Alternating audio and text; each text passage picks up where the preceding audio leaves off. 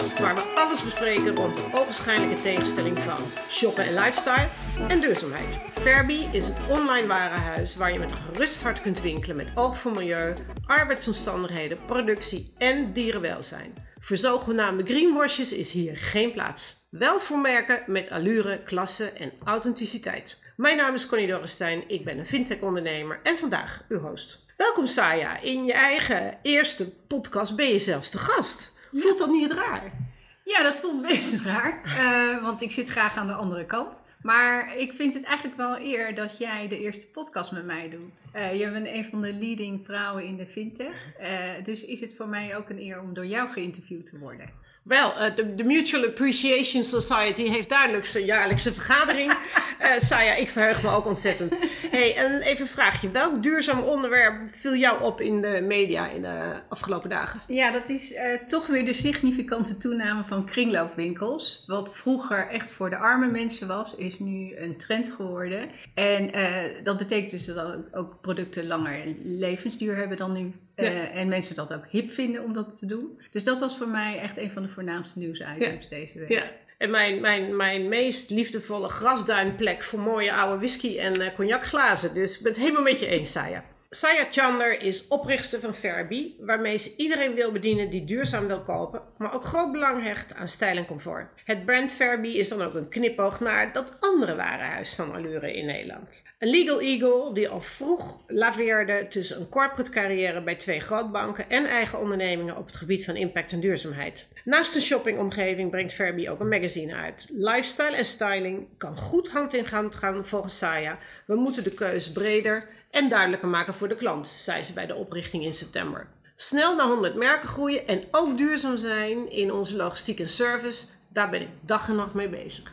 Ja, Saya, daar zit uh, deze Max Mara-fan dan uh, met, aan tafel met jou. Met, ja, met mijn, met mijn Ferbi uh, laarzen aan, aan de benen prachtige overknieglazen van uh, Nee Vegan. Dat was echt een eye-opener voor mij. Want ik, ik associeerde duurzame uh, mode altijd met ritsbroeken. En daar ben ik toch iets minder van. Wanneer voel jij dat er echt zoveel aanbod was... dat je die sprong naar het oprichten van Verbigo kon maken? Nou, ik ben nou al zeven jaar eigenlijk uh, direct in contact met allerlei duurzame ondernemers. Dus ik zag zoveel mooie producten. en drie jaar geleden kwam het idee op van het platform. Dus ik heb echt onderzoek gedaan wereldwijd, van wat is het aanbod en hoe mooi ziet het eruit. En inmiddels werken we ook met verschillende andere partijen samen, die uh, nog beter dan wij weten waar al deze mooie en duurzame merken zijn en gevestigd zijn. Dus uh, inmiddels zijn er honderden, misschien wel duizenden duurzame merken over de hele wereld. En hoe lok jij die naar Verbi? Ja, dat doen we door het eigenlijk op een hele aantrekkelijke manier te presenteren en ook wel te zoeken naar de wederkerigheid in de relatie. Van wat kunnen wij voor jou betekenen en wat kan jij voor ons betekenen? En wij delen ook de kennis die wij hebben, uh, die wij uh, van consumenten halen, delen wij ook met de partijen. Dus we houden niets voor onszelf. Het nee. is echt uh, voor, ja, het klinkt misschien heel cliché, een win-win situatie voor zowel de brand als het platform. Ja, en hoeveel merken zitten er nu op het platform? Wij hebben er inmiddels 53 gecontracteerd wow. en we zijn nog met een tiental in onderhandeling. En wij hopen dus uiteindelijk toch wel begin volgend jaar op de 100 te zitten. Ja. En dan heel snel door te groeien naar honderden. Honderden, ja. ja. Want wat mij opviel is dat er dus als dat nee, vegan, uh, ja, nee, vegan. Daar had ik natuurlijk nog nooit van gehoord. Dat geef ik gelijk toe. Dat is ja. precies ook wat je zegt. De intentie is bij mij wel, maar ja, waar ga ik kijken? Zulke, zulke merken zijn er ook zeg maar hele grote merken die ook hele duidelijke nieuwe sub-vegan merken ernaast zetten. Ik zei voor de grap net Max Mara of Prada of noem maar op. Nou ja, er zijn met name ook sportmerken zoals Nike beginnen echt wel uh, recyclede sneakers aan te ja. Adidas is een voorloper als het gaat om sportmerken met uh, Stella McCartney, sorry. Ja. Uh, en, uh, en die zijn daar echt al een paar jaar mee aan de slag. Uh, maar we zien nu inmiddels ook de H&M langzaam ja. met biologisch katoen. Ja. maar dat zegt nog niks over de productieketen. Nee.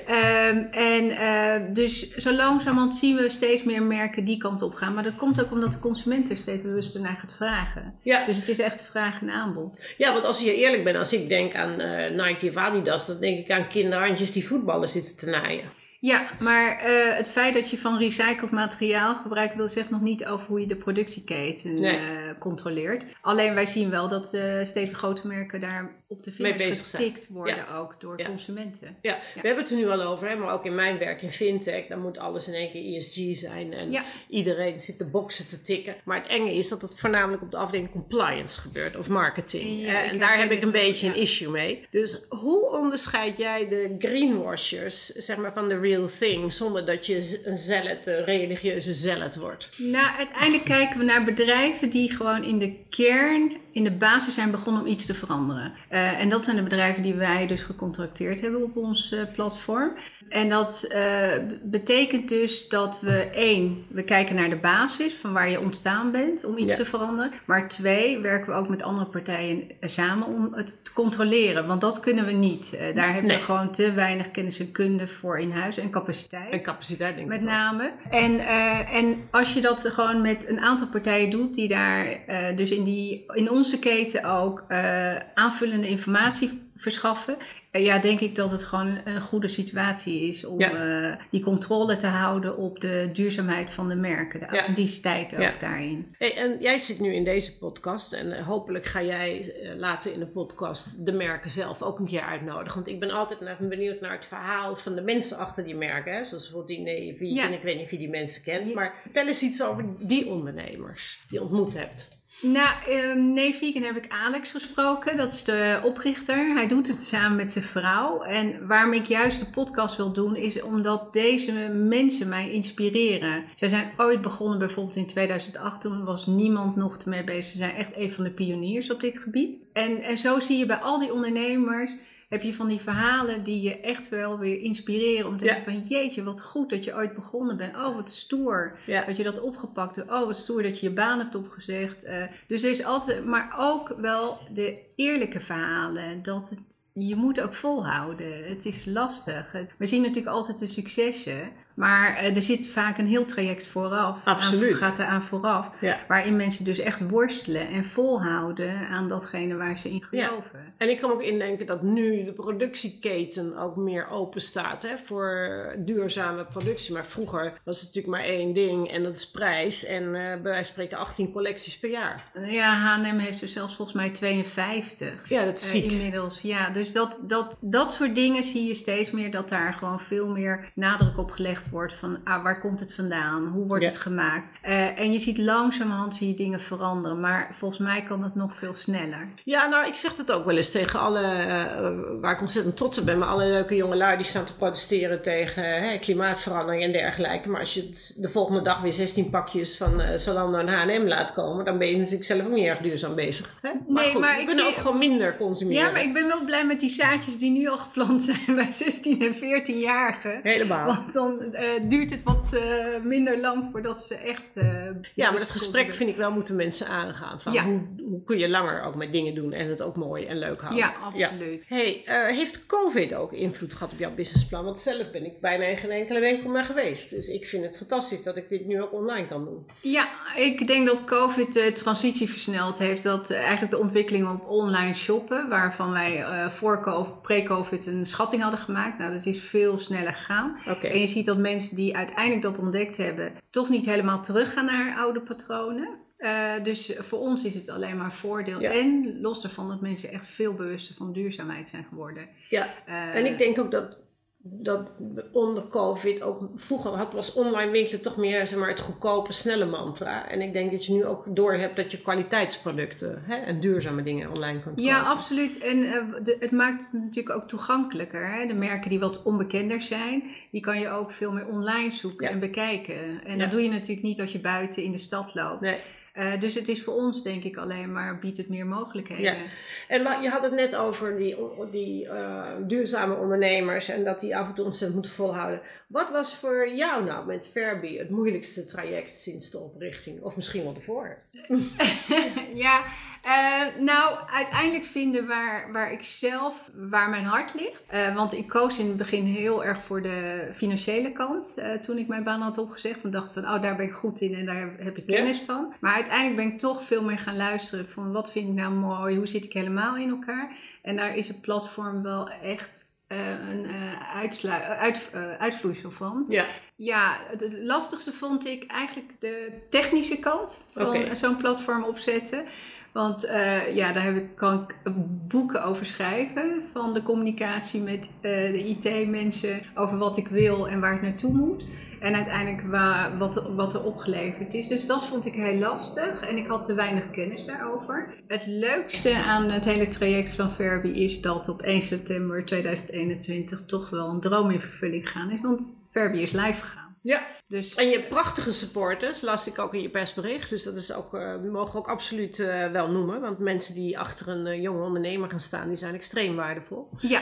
En die gaan je waarschijnlijk ook verder helpen in, op dit pad. Saja, dan wil ik het toch ook nog echt even over jou hebben. Want je zit nu prachtig te vertellen over duurzaamheid. Maar we zitten nog altijd aan de buitenkant. even aan de binnenkant van Saja. Want dat ga je straks met je andere gasten ook doen. Dus ik neem die vrijheid gewoon. Hoe ziet een dag van jou eruit? Wat, wat zeg maar wat drijft je? Wat drijft je als je de podcast gaat doen? Wat drijft je in jezelf? Uh, hoe ziet je leven eruit? Mijn drijfveer is echt om positieve impact te genereren. Ik kan er gewoon in al die jaren, die zeven jaar nadat ik mijn baan heb opgezegd, allerlei dingen heb gedaan, is dat altijd het drijfveer gebleven. Ik geloof ook heel erg dat die ontwikkeling er komt. Uh, ten positieve.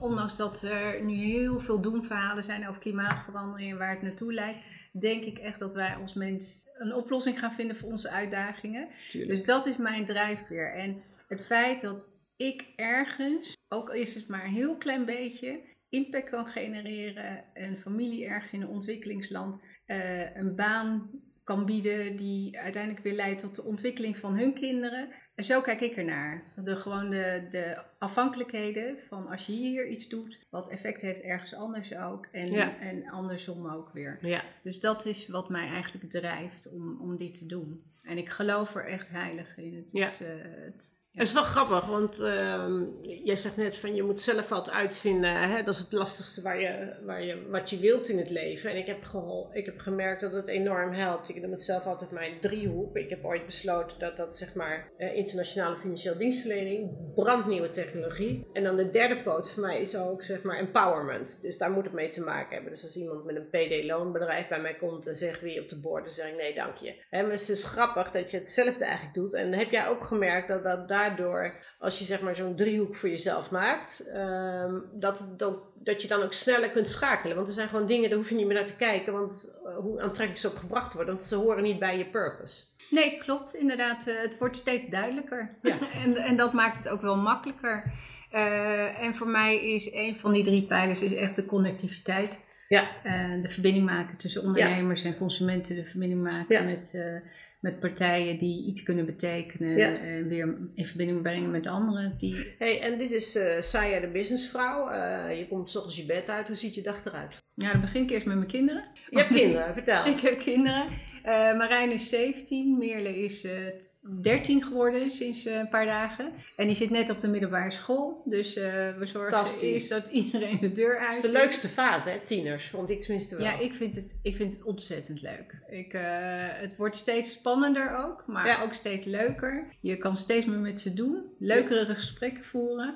Dus ik, uh, ik kijk echt uit naar de komende jaren. Dat, uh, ja. dat ze ook gaan studeren. Ik vind, het, ik vind het gewoon interessant. Ik vind kinderen leuk. Uh, en daar gaat mijn hart echt sneller van tikken, moet ik eerlijk zeggen.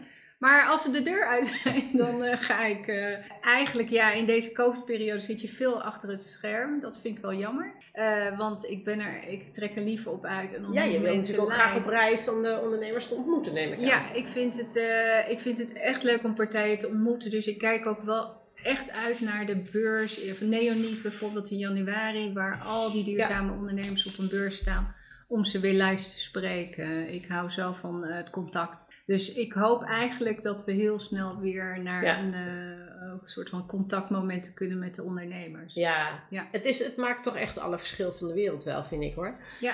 Hey, en ik heb natuurlijk een beetje research vooraf gedaan. Je kwam met een zeer warme introductie. Nou ja, dan kom je bij mij altijd binnen als het via de goede kanalen komt. Maar ik heb nog eens wat online gelezen en zo over jou. Maar wat heb ik niet over jou online kunnen vinden? Wat, wat weten we niet van Saya? Wat je toch met ons wil delen misschien? Uh, nou, wat, ik, uh, wat je waarschijnlijk nooit gaat vinden is dat ik op mijn oude dag weer uh, gitaar leer spelen. Oké, ik dacht dat je ging zeggen salsa dansen, maar dit is nee, dat goed. doe ik al jaren. Nee, dat, dat doe is je al met jaren. een paplepel ingegoten. Daar, daar- dat komt uit mijn roots, dus als ik dat niet eh, mee heb gekregen. Nee, maar eh, dat is, daar gaat echt een droom van mij in vervulling. Ik wilde altijd een instrument spelen. En hoe lastig het ook is om op deze leeftijd nog een instrument te bespelen en het te leren. Ik geniet er ontzettend van. Nou, wat ongelooflijk leuk. Ja. Hey, en dan ga ik toch nog even terug naar wat die duurzaamheid. Hè? Wat, betekent het, zeg maar, eh, voor jou? Want ik, ik blijf daarmee worstelen. Ik zie te vaak dat het een marketingterm is geworden. Hè? En eh, in de run-up naar de podcast zat ik er ook eens goed over na te denken. En dan heb je bijvoorbeeld over klimaatverwarming van de aarde. En ik heb gewoon een enorm probleem mee dat politici daar weer mee weglopen. Mensen die vroeger, eh, ik heb ooit met El Gore gewerkt, die wou per se met zijn eigen vliegtuig naar een congres komen, zo'n oude roestbak. En dan denk ik, nou, ja, ik ben dan cynisch en denk, zo'n man heeft een topic gevonden waar die aan kan kleven en belangrijk kan zijn. En daar zijn er vele van ja, op dat gebied. Terwijl ik erg in duurzaamheid geloof. Hè. Voor mij is het eh, gewoon goede kwaliteit producten kopen, lang doen, repareren. Maar vooral ook ontzettend ontzag voor de planeet en de natuur. En dan denk ik ook, ja, met klimaat en zo. Misschien moeten we wat meer ontzag hebben en wat minder denken dat we dit allemaal kunnen managen. Hè? Wel ons gedrag aanpassen uiteraard, maar een beetje meer ontzag vind ik ook wel bij duurzaamheid horen. Dus dat zijn voor mij twee woorden die Ja. bij elkaar passen. Eh. Welke woorden staan voor jou voor duurzaamheid? Ja, het is grappig eh, dat je het zegt inderdaad, want ik woon heel bewust dicht bij de zee. Eh, en dat is omdat ik, eh, doordat ik langs de zee loop, ontzag heb voor Ja, eigenlijk ons het systeem. het systeem. En eh, dat er ook maar één stroming hoeft te veranderen. En dat we er ontzettend veel last van kunnen hebben. Dus we kunnen wel heel veel bepalen, maar toch eigenlijk hebben we niet overal controle Nee, over. Gelukkig niet trouwens. Ja, gelukkig niet. Maar aan de andere kant betekent dus wel dat je ook ervoor moet zorgen dat het in balans blijft. Tuurlijk. Eh, en dus voor mij is heel erg de balans zoeken naar eh, wij als mensen eh, die wonen op deze planeet en wat Ja. je ervoor doet. En twee, aan de andere kant ook de behoefte die je hebt, ook als mensheid, om toch te streven naar ontwikkeling. Dus continu zoeken naar de balans Ja. tussen datgene wat goed is voor de ontwikkeling van de mens. Eh, in samenhang met de planeet, wat, Ja. wat voor impact heeft het, maar ook de mensen die erop wonen, ook hè, de verbondenheid met elkaar. Maar ook zeker niet vergeten de dieren. Nee. Want eh, dat is ook nog wel iets waar we best wel wat verbeterslagen kunnen Ja, maken. ik ben daar, daar ben ik wel erg blij mee hoor. Dat we in onze levenstijd echt helemaal van het idee zijn afgestapt. van onze ouders die met de beste wil van de wereld. Dat waren oorlogskinderen. Hè. Die vonden het fantastisch. kind moest elke dag vlees eten. Dat was gezond. Dus het was ook helemaal lief bedoeld. Maar ik ben erg blij dat we daar wat anders naar aan het kijken zijn. Het is toch wel weer winst. Daar word ik dan weer heel positief doorgestemd. Ja, ik ook. Je zei Ja. ook nog even heel kort, hè, eh, een keer eh, las ik in een artikel, elke stap telt in duurzaamheid. Wat bedoel je daar, eh, zeg maar, heel praktisch mee? Nou, ja, wat, wat je eigenlijk ziet is doordat er zoveel berichtgeving komt over klimaatverandering, dat mensen ook wel een soort van fatalistische inslag krijgen van wat kan ik er nou aan doen? Ja. En wat wij eigenlijk proberen te doen, en zo kijk ik ernaar, is elke stap die je zet, of je nou een, begint met een pot pindakaas in de supermarkt, Ja. die, eh, weet je, van biologische producten, eh, elke stap helpt. Want uiteindelijk ook, je noemde net vlees ook. Nou, een paar jaar geleden werd het begrip flexitariër ingevoerd. Toen begon iedereen te lachen van, nou, dat gaat me echt nooit gebeuren. Maar inmiddels is 70%, 80% van de Nederlanders flexitariër. Zonder dat ze dat heel bewust... En dat heeft misschien wel meer impact dan dat je van 6 naar 8 procent vegetariër gaat. Ja. Ja. Nee, dus daar geloof ik dus in. Dus eh, uiteindelijk kan, je, kan iedereen een, een, een, met een kleine stap iets bijdragen. En kleine stappen worden steeds meer, denk ik. Want eh, ik begon ook met één spijkerbroek van een duurzaam meer. En uiteindelijk eh, zat het niet alleen goed, maar ik had er ook een goed gevoel bij. En dan ga je toch naar de volgende kijken. Want Ja. je hebt ook weer een nieuw merk ontdekt dat lekker zit. Dus eh, ik geloof dat elke stap eh, Telt. telt. Ja. Nou, en dan als, als allerlaatste, dat vond ik ook wel leuk. Wij zaten natuurlijk in de voorgesprekken en ehm, ja, mijn mantra is Churchill. Churchill was natuurlijk ook niet woke, maar wel een man van zijn tijd. Ehm, en eh, zijn mantra was never, ever, ever, ever give up. Daar geloof ik heilig in. Ja. Jouw mantra is, als je ergens in gelooft, moet je vooral volhouden. Eh, waar geloof je? Ja, ik geloof toch in de mens, dat de mens uiteindelijk ook oplossingen aandraagt voor zijn eigen uitdagingen. En dat is ook waar uh, in Verbi is ook zo'n oplossing voor iets wat, wat een probleem vormt. Uh, en zo geloof ik dat mensen uiteindelijk toch komen en er altijd een groep mensen is die naar positieve oplossingen zoekt en voor alle uitdagingen waar de mensheid mee te maken heeft. Dus ik geloof heel erg in de mens. Ik geloof ook in de mens en, in, en in hard werken en doorzetten. Zeker. Een heel, goed uitgangspunt. doorzetten. Mooi, dankjewel Saya. Ja, Saya, waar kunnen mensen uh, jou en Ferbi vinden? Heel kort. Mensen kunnen ons vinden op www.ferbi.com. Nou, dat is hartstikke goed. Enorm bedankt voor dit gesprek. En uh, aan alle luisteraars, uh, hartelijk dank voor jullie aandacht. Als mensen voor Verbi kiezen, kiezen ze ook voor jou. Dus ik denk dat het mooi is dat ze je wat beter hebben leren Voor onze luisteraars, dank voor nu. Zorg dat u de volgende episodes ook niet mist. Volg onze Verbibus podcast op Spotify, Apple, iTunes of waar je ook maar het liefste naar je podcast luistert. En vooral like en deel en zorg dat alle andere duurzame shoppers ons ook kunnen vinden. En bovenal Ga naar Verbi.com en trakteer jezelf je geliefde in deze warme en koude dagen op een duurzaam en prachtig cadeau. Dank en tot de volgende keer, maar dan met Saya. Ja, dank.